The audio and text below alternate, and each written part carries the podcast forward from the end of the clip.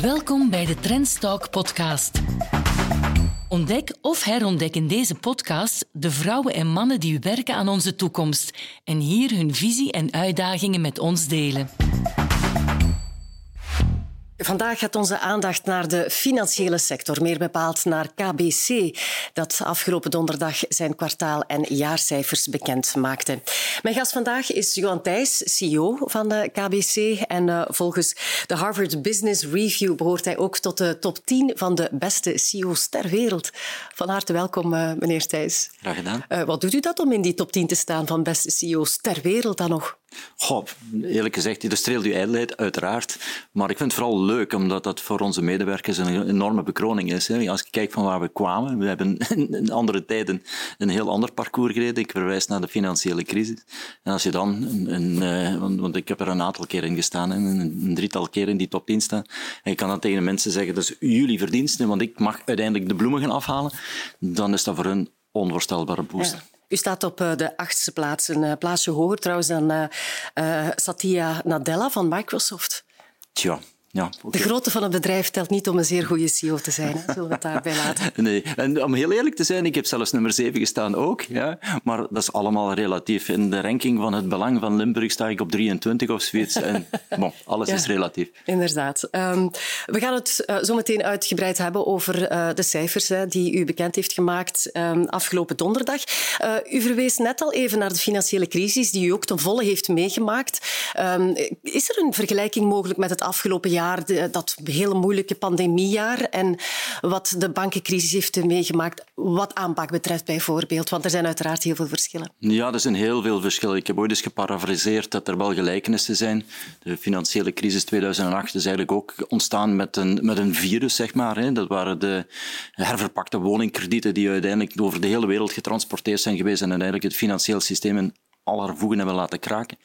Maar ehm, ja, er zijn toch wel heel grote verschillen. En een van die grote verschillen is dat toen, 2008, 2009, de financiële sector letterlijk bijna onder water gegaan is en dus het grootste deel van het probleem was. Als ik nu kijk wat er nu gebeurd is, dan is het in eerste instantie een gezondheidscrisis geweest, die verschrikkelijk is en die trouwens nog altijd bezig is.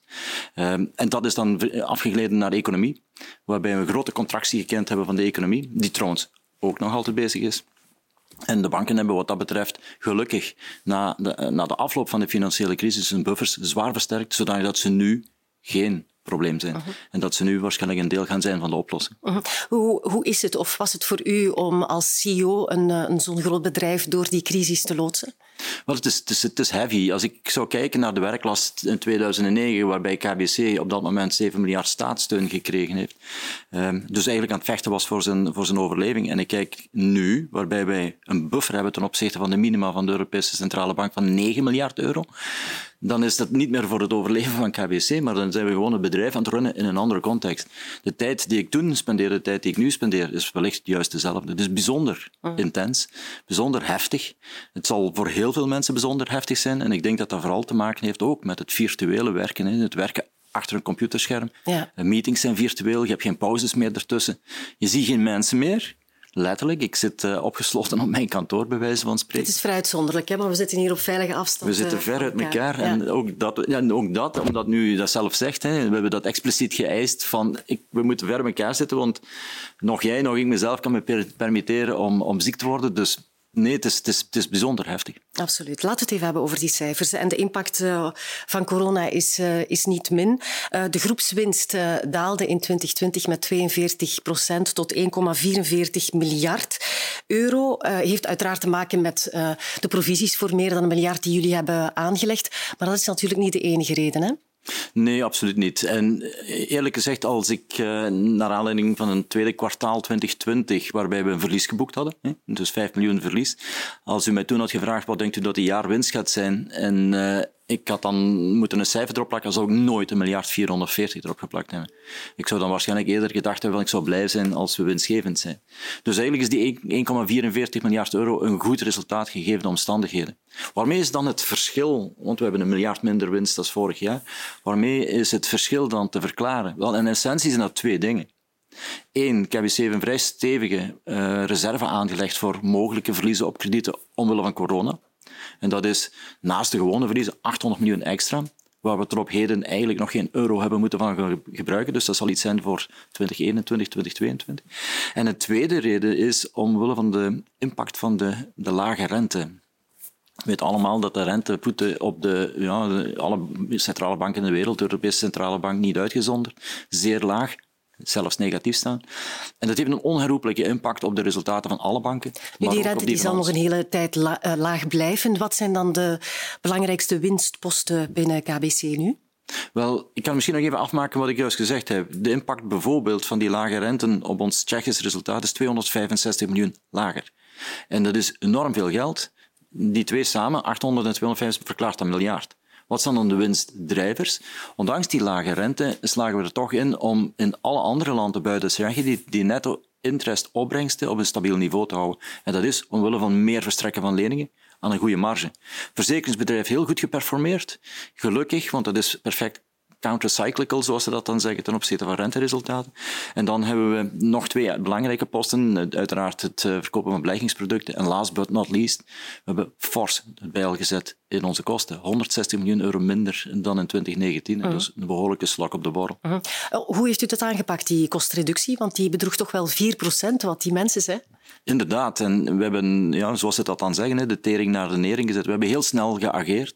Op het moment dat we met z'n allen in een lockdown gingen, wisten wij meteen wat de impact ging zijn op onze, op onze inkomsten. En dan is het een beetje het traditionele denken. Als je inkomsten onderuit gaan, wel, dan kijk je op je uitgaven. En dat betekent heel concreet, om u een beeld te geven, we hebben 50 miljoen euro bespaard op ons eh, marketingbudget en op ons facilities, gebouwen, uitgaven die daarmee gerelateerd zijn. Vliegtuigreizen zijn uiteraard allemaal verdwenen, eh, evenementen zijn allemaal geschrapt, al die dingen zijn allemaal teruggedraaid naar letterlijk 0 euro. Ja. Um BNP Paribas Fortis heeft 240 eh, miljoen uh, euro opzij gezet voor die provisies aan te leggen. Uh, KBC 1,1 miljard of bijna 1,1 miljard. Van waar dat hele grote verschil? Zijn jullie misschien te voorzichtig? Ehm? Wel, weet je, in de omstandigheden die je niet kan voorspellen, Niemand weet wat het uiteindelijk gaat zijn, laten we wel wezen. Uh, hadden wij, en zeker op het moment dat we dat vastgelegd hebben, we hebben dat vastgelegd in het tweede, derde kwartaal van 2020. Dan heb je twee filosofieën. Eh, KBC is bijzonder sterk gecapitaliseerd, dus wij kunnen ons gemakkelijk permitteren om zeer conservatief te zijn. En we hebben daar ook expliciet voor gekozen.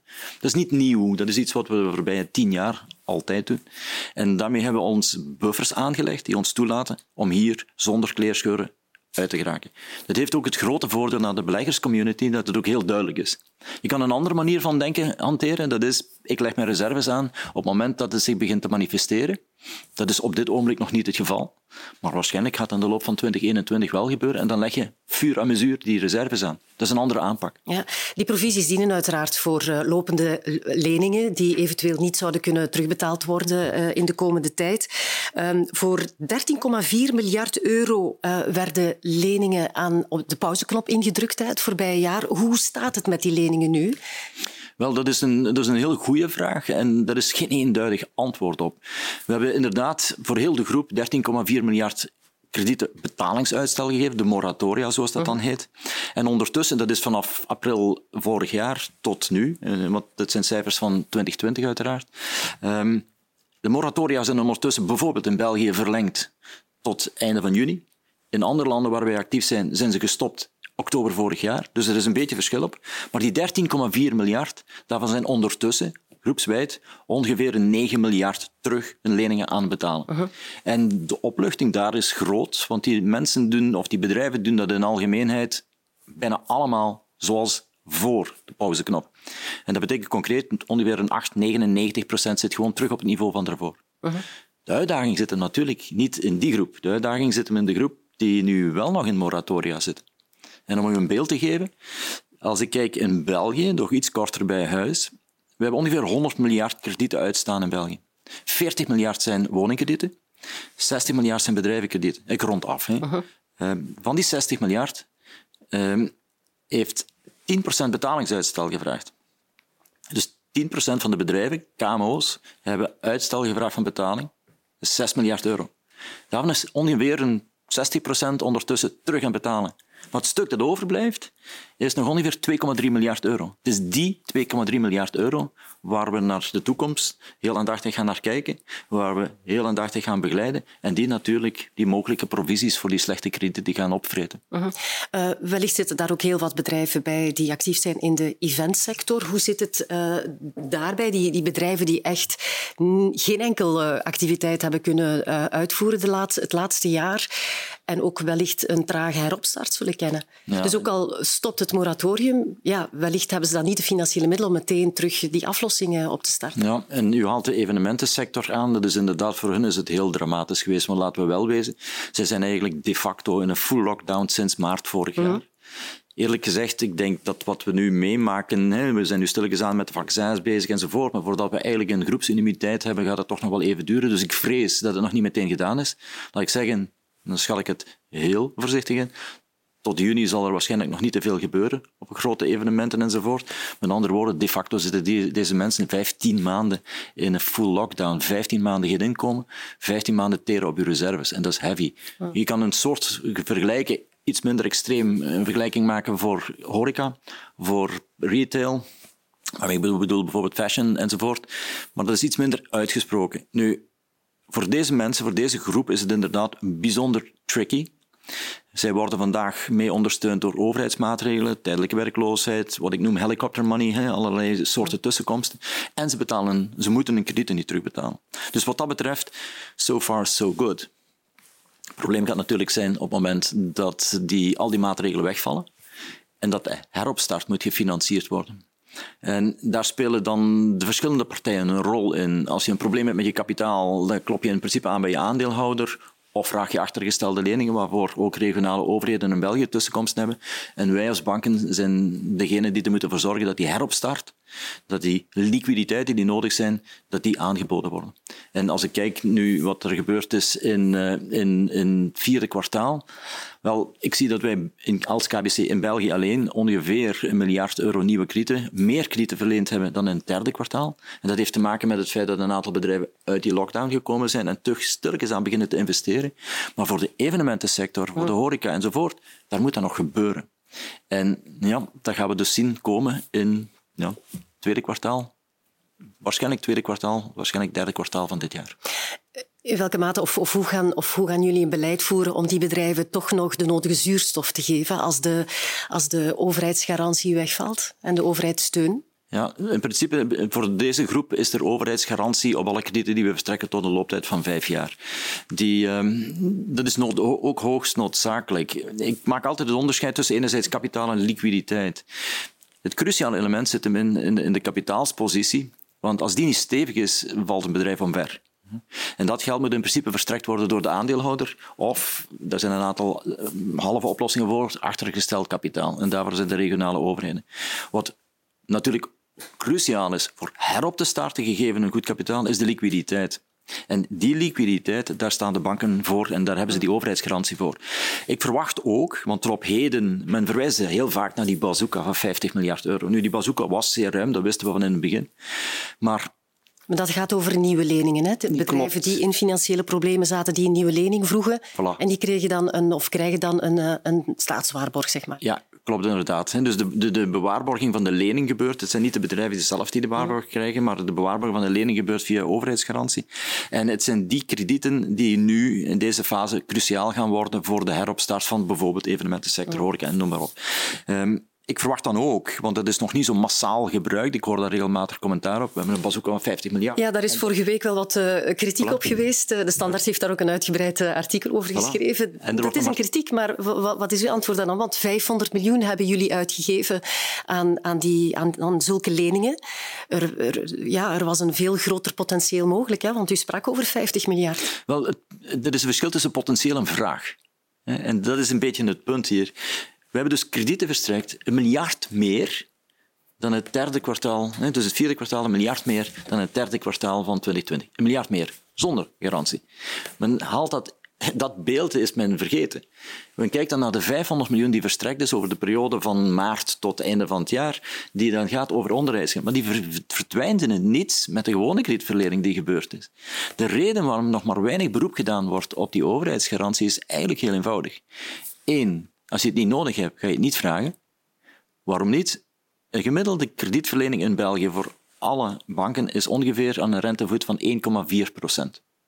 Een overheidsbewaarbaar krediet komt automatisch een vergoeding voor de overheid bij, die 50 basispunten is. Dus je krediet wordt een derde duurder. En als je de looptijd verlengt naar vijf jaar, komt er 100 basispunten bij. Dus het wordt bijna dubbel zo duur.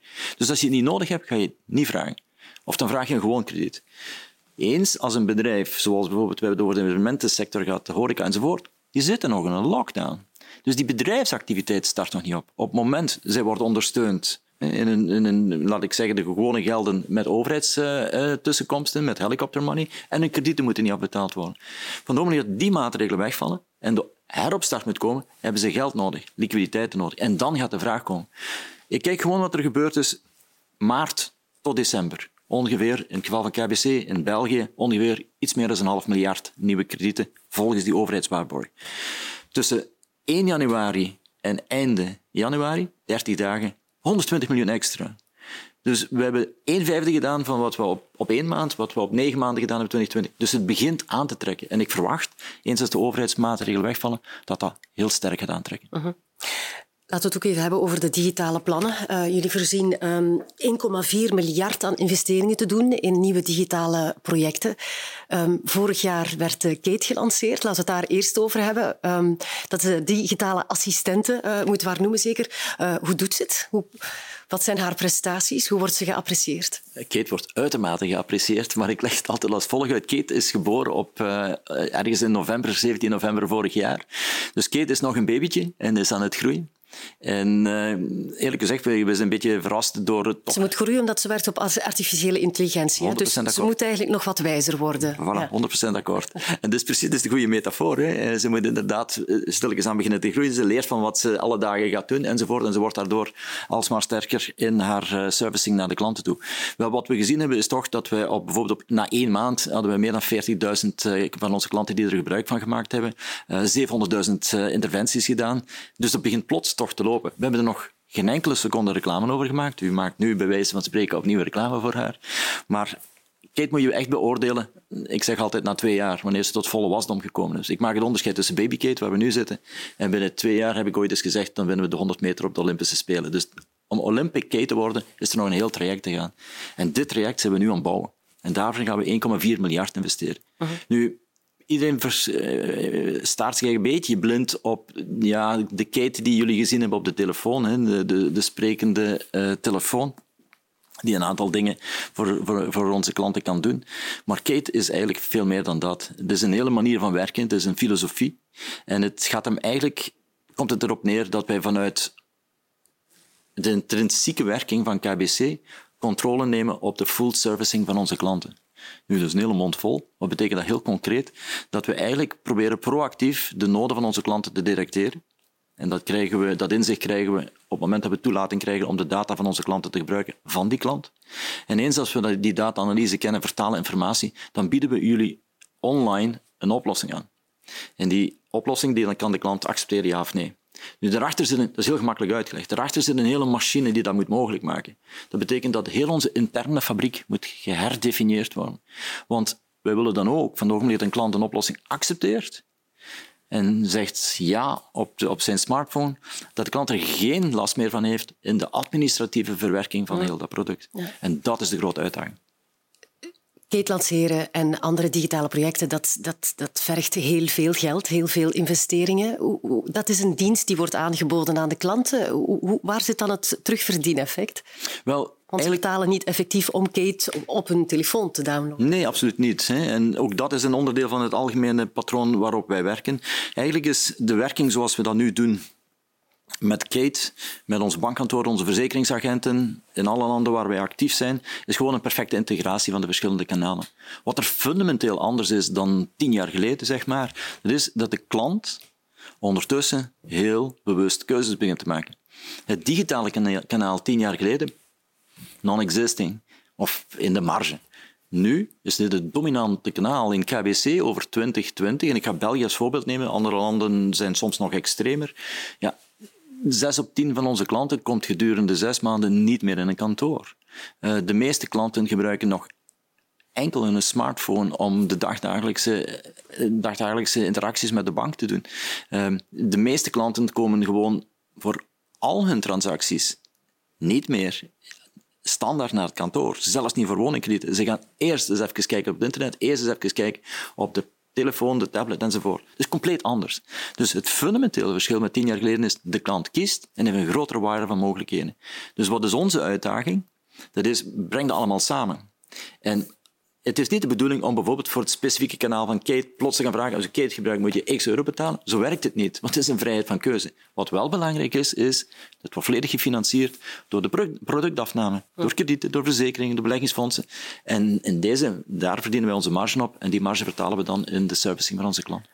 Jullie benadrukken heel sterk dat die client centricity, die klantgerichtheid belangrijk is. In welke mate richten jullie uh, jullie dan ook op, uh, op de, de consumenten. Dan heb ik het niet te louter over de wat oudere bevolking, maar er, zijn, er is toch een hele groep van, van mensen die digitaal niet zo onderlegd is. Hoe kunnen jullie die dan bereiken? Die hebben ook een verzekering nodig en we hebben een bankrekening nodig en moeten al die activiteiten verrichten. Ja, dat is een, dat is een heel expliciete keuze. KBC heeft gekozen voor digital first. We hebben niet gezegd digital only. Met andere woorden, alles wat we aan het bouwen zijn, wordt gedesigned alsof we het digitaal kunnen verkopen. Nu, dat heeft een aantal consequenties. U als klant zal op een website of op een smartphone nooit tien vragen beantwoorden. Na vraag drie bent u verveeld en zegt u, finito, gedaan. Dus het product, hetzelfde product verkopen in kantoor, ik kan u tien vragen blijven, blijven vragen en u gaat braafjes blijven antwoorden. Dat is het grote verschil. Nu, Digit First betekent, we moeten ervoor zorgen dat we het proces zodanig redesignen dat we weten wat we moeten weten in drie vragen. En dat is benadrukt digital first. Wat is digital only? Digital only heb je niet meer de optie om naar een kantoor te gaan. Dat doet KBC expliciet niet. En in deze context is het ook voor ouderen natuurlijk nog altijd perfect mogelijk om naar een kantoor te gaan. Tweede ding is, en dat is eigenlijk gezegd, eh, ik was daar een beetje door verrast. We hebben een aantal jaar geleden beginnen programma's op te stellen waarbij medewerkers naar mensen die dat willen, en dat is niet noodzakelijk enkel maar de ouderen, de optie gegeven om wat we dan noemen hè, een digi-coaching te doen, dat ze met een telefoon of een tablet naar kantoor kunnen komen en dat ze daar uitleg krijgen over de toepassing. En dat is een gigantisch succes. En zo hebben wij letterlijk in de loop van 2020 een dame van 96 jaar uitgelegd wat de smartphone is, wat de tablet is. En die mevrouw werkt vandaag op KBC online. Niet zoals, maar ze kan het gebruiken. En dat is wat wij ook als opdracht hebben. Namelijk voor zij die wat dat betreft het moeilijker hebben, die mevrouw van 96 jaar, moet er eens even bij stilstaan, die heeft nooit een klavier gebruikt. Die, in het beste geval was een telefoon iets met een draad aan. Ja. En plots heeft hij een toestel waar het klavier virtueel is. Dat zijn 25 stappen. Dus wij moeten dat begrijpen en we moeten dat begeleiden ook naar onze klanten. En zolang als we dat doen en alle opties openhouden, denk ik dat wij onze maatschappelijke rol vervullen. Uh is er ook een taak weggelegd misschien voor de overheid om ook jongere generaties op te leiden in die digitale uh, vernieuwing? Want ja, je kan wellicht op termijn niet meer zonder een smartphone met alle toepassingen die je, die je erop kan doen om te functioneren. Ja, onze hele samenleving is aan het veranderen. Het geldt niet enkel voor bankieren. Alleen, met alle respect, als ik als kind was, dan hadden we in het beste geval een kaart in de auto. Uh, nu heb ik zelfs geen kaart meer in de auto, want de GPS is een standaard mm. instrument geworden. Dit is ook vernieuwing. Ik denk dat onze hele samenleving daar een, dat we daar allemaal een plicht in hebben. Wij als burgers om ons daaraan aan te passen en de overheid om daarin te investeren, om de gelegenheden te creëren. En ook in die context eh, gaan wij in KBC naar scholen ook om bijvoorbeeld de financiële geletterdheid uit te leggen, maar ook vooral ook om de nieuwe toepassingen uit te leggen. Uh Ik, uh, we hebben een vrij grote afdeling bij ons die in uh, artificiële intelligentie bezig is of gespecialiseerd is. We hebben een honderdtal AI-engineers. Um, ehm, die trouwens rechtstreeks aan mij rapporteren. Ik eh, ben van oorsprong ook een AI-engineer. En dus ik heb er een beetje aandacht voor. Maar ik recruteer wel wereldwijd. -huh. Want in België vind ik ze niet. Ja. Ik wil het nog even hebben uh, met u, meneer Thijs, over de niet-financiële targets. Ik weet dat ehm, KBC voluit wil inzetten op duurzaamheid. Hè, daar pakken jullie mee uit. Nu, banken worden wereldwijd uh, gescreend door een heel netwerk van, eh, van middenveldorganisaties, zoals bijvoorbeeld Oxfam. Zij maken een ranking van banken. Ik stel voor dat we heel even gaan, gaan kijken waar KBC zich situeert. Bovenaan uh, Triodos Bank en KBC zit, laten we zeggen, in de, in de middenmoot. Um, niet alle banken, alle Belgische banken staan in de lijst, want dat zijn er nogal, uh, nogal veel. Als we even verder kijken naar um, hoe KBC dan effectief uh, presteert op verschillende domeinen, zoals corruptie tegengaan bijvoorbeeld, daar scoort KBC bijzonder goed in. Er is natuurlijk nog ruimte voor verbetering, maar natuur, gendergelijkheid, dat zijn toch twee punten die waar jullie, laten we zeggen, ondermaats uh, scoren? Ja, elke ranking heeft zijn waarde, hè? net zoals de ranking van Harvard. Ja. Uh, als ik kijk naar de ranking van Sustainalytics, die ook rekening houden met een aantal positioneringen, dan behoren we tot de top 7 van de wereld. Bon. Ja, dus alles is relatief. Waarmee ik niet wil gezegd hebben dat ik bijvoorbeeld met de ranking van Fairfin of, of de bankwijzer, uh dat ik daar geen rekening mee hou. Wij zijn continu bezig. Ik ga er nu eentje uithalen wat ook op, de, op, op die grafiek stond. Bijvoorbeeld gender, uh, gendergelijkheid. Ook daar zijn we continu aan het werken en daar doen we grote inspanningen voor. Ik heb in mijn directiecomité één vrouwelijk lid, één van de, van de zeven. En ik kan zeggen, niet genoeg Oké, fair enough. Laten we dan nu aan beginnen te bouwen, dat dat binnen x jaar er twee zijn, of drie zijn, whatever. En dat is een proces dat je niet, tenzij dat ik extern ga recruteren, maar als iedereen op dezelfde manier extern gaat recruteren, lopen nog altijd evenzeer vast. Dus dat is een proces dat je moet begeleiden van binnenuit doorheen heel je bedrijf. Daarom hebben we bij KBC wel degelijk quota op een lager niveau, waarbij we verplichten dat er een bepaald percentage vrouwen in het kader zitten, dus de kaderleden op bepaalde niveaus. Voor elke vacature die we hebben voor een directielid, moet er, voor elke vacature, moet er telkens een man en een vrouw voorgesteld worden. Mhm. En ik denk dat daar uh, een belangrijke taak van ons allen is weggelegd.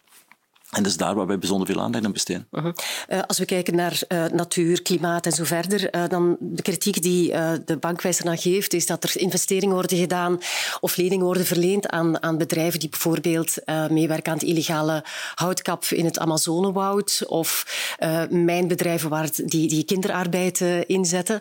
Ehm, in welke mate kunnen jullie dat allemaal screenen? En is dit ook een wake-up call van we moeten ons daaruit terugtrekken?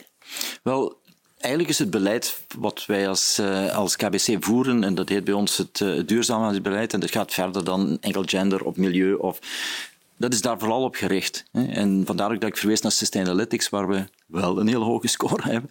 Um, maar in algemeenheid is bijvoorbeeld eh, wat wij doen rond steenkool enzovoort, is specifiek gericht op het niet verstrekken van middelen aan bedrijven die een negatieve impact hebben op het milieu.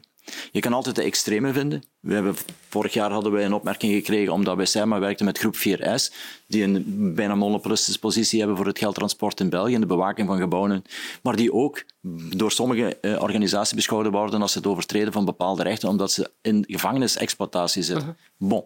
Dit zijn dingen waarvan ik zeg, we hebben dan ook een brief geschreven naar groep 4S om te zeggen, what's up guys?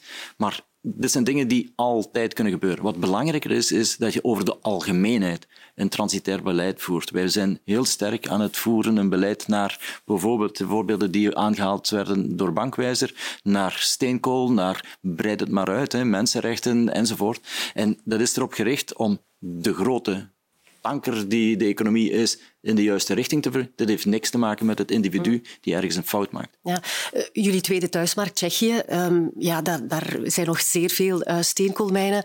Het beleid daar is wel dat jullie het afbouwen, hè? Wij waren al een aantal jaren bezig om dat af te bouwen. En we hebben nu een iets drastischere beslissing genomen, namelijk dat het tegen het eind van het jaar de directe koolexposure er moet uit zijn.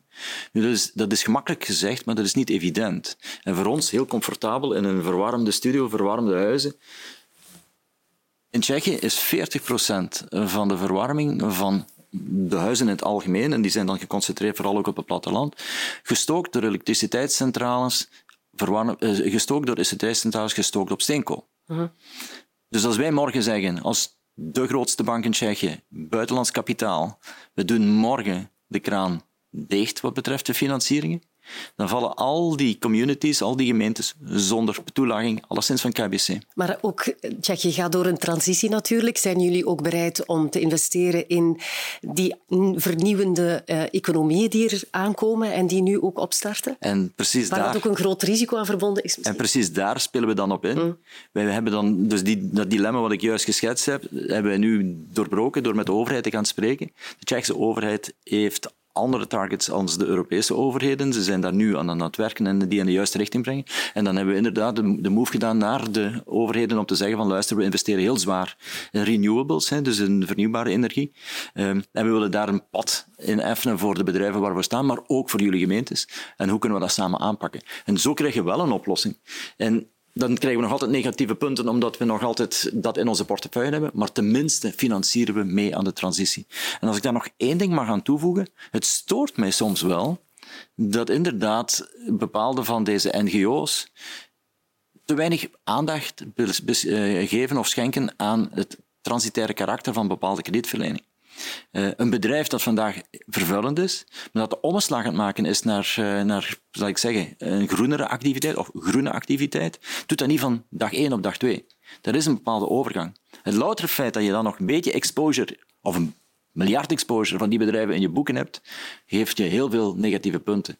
De nuance zou moeten zijn, doe mee de transitie. Maar is er dialoog met uh, eh, NGO's? Want dit gebeurt, die bankwijzer, uh, ja, dat wordt toegepast uh, wereldwijd. Is er dialoog met die NGO's? Want ze hebben natuurlijk ook kanalen om op een andere manier bepaalde bedrijven door te lichten. Bijvoorbeeld een Amnesty International die aankaart dat bepaalde bedrijven werken met kinderarbeid. Ja, we zitten continu rond tafel met deze NGO's en we proberen ook met hun een vergelijk te maken. We proberen ook heel duidelijk maken, heel goed inzicht te geven waar we mee bezig zijn. En dan laten we een kat en kat noemen. Hè. Dankzij ook eh, de druk van deze NGO's is het beleid dat wij voerden tien jaar geleden en vandaag compleet niet meer te vergelijken. Ik geef u één voorbeeld. Wij voeren al een jaar of drie, vier een heel sterk en actief beleid naar al onze personeelsleden, alle 42.000 in de groep, naar wat wij dan noemen responsible behavior, dus verantwoord gedrag. Hoe ga je om met de klanten alle dagen in je dagdagelijkse werk? Met andere woorden, doe geen dingen waarvan we misschien binnen twee of drie jaar zeggen, dat hadden we beter niet gedaan. En dat alleen al is er gekomen op basis van één, de financiële crisis, laten we wel wezen, en twee, ook de gesprekken met NGO's. Oké. En laatste vraag. Wat uh, verwacht u van 2021? Uh, u bedoelt economisch of andere dingen? Uh, of allemaal? Economisch. en voor de, voor de sector, want ja, we, onze aanleiding uiteraard was uh, ook de, de bedrijfscijfers van 2020. Ja. Misschien, het wordt een overgangsjaar, maar hoe, hoe schat u in? Want we hebben natuurlijk de inschattingen van de Nationale Bank en VBO en zo verder. Hoe kijkt u naar dit komende jaar? Nou, u heeft het daarnet zelf gezegd. Ik denk dat het een transitiejaar gaat zijn. Het gaat nog altijd bijzonder heftig zijn. We zijn nog altijd maar met, wat is het in België, 3, 4 procent ingeënt voor een zekere groepsimmuniteit te krijgen waarmee je eigenlijk alles kan openstellen, moet de inenting 70% zijn. Ik heb een aantal prognoses gezien waarvan ik denk, oei, als het dat gaat zijn. Dus het zal nog heftig zijn. Zolang als we daar zitten, gaat er impact zijn op de economie. Die economische groei die zal wel een beetje beginnen te herpakken, omdat het vorig jaar natuurlijk 6,8% gekrompen is, zal dat 2021 wel wat beter zijn, maar niet op het niveau van 2019. Dus laten we zeggen, tweede jaar helft gaat dat wat aantrekken, maar het gaat pas echt beginnen aan te trekken in 2022. En om het met een parafrase te zeggen, ik heb op de nieuwjaars, uh, virtuele nieuwjaarsreceptie van uh, mijn personeelsleden gezegd, allemaal aan het eind, ik wens jullie allemaal een uh, hele goede gezondheid, maar ik wens jullie vooral veel barbecues, veel feestjes met vrienden, want dat betekent dat COVID uit het land is. En gaat u zich laten uh, vaccineren? Ja, zonder meer. U gaat uh, bijdragen aan die 70. Zonder meer. Oké, ik wil u van harte bedanken om naar de studio te komen, Jan Thijs. Dank je wel en veel succes. Dank je wel. Dit was het, uh, dames en heren, voor deze Trendstalk. Ik wens u uiteraard nog een zeer fijn weekend. Trendstalk is de wekelijkse afspraak op kanaal Z, op trends.be en op deze Trendstalk podcast voor een goed gesprek over de thema's die ons alle aanbelangen. Tot volgende week voor een nieuwe aflevering.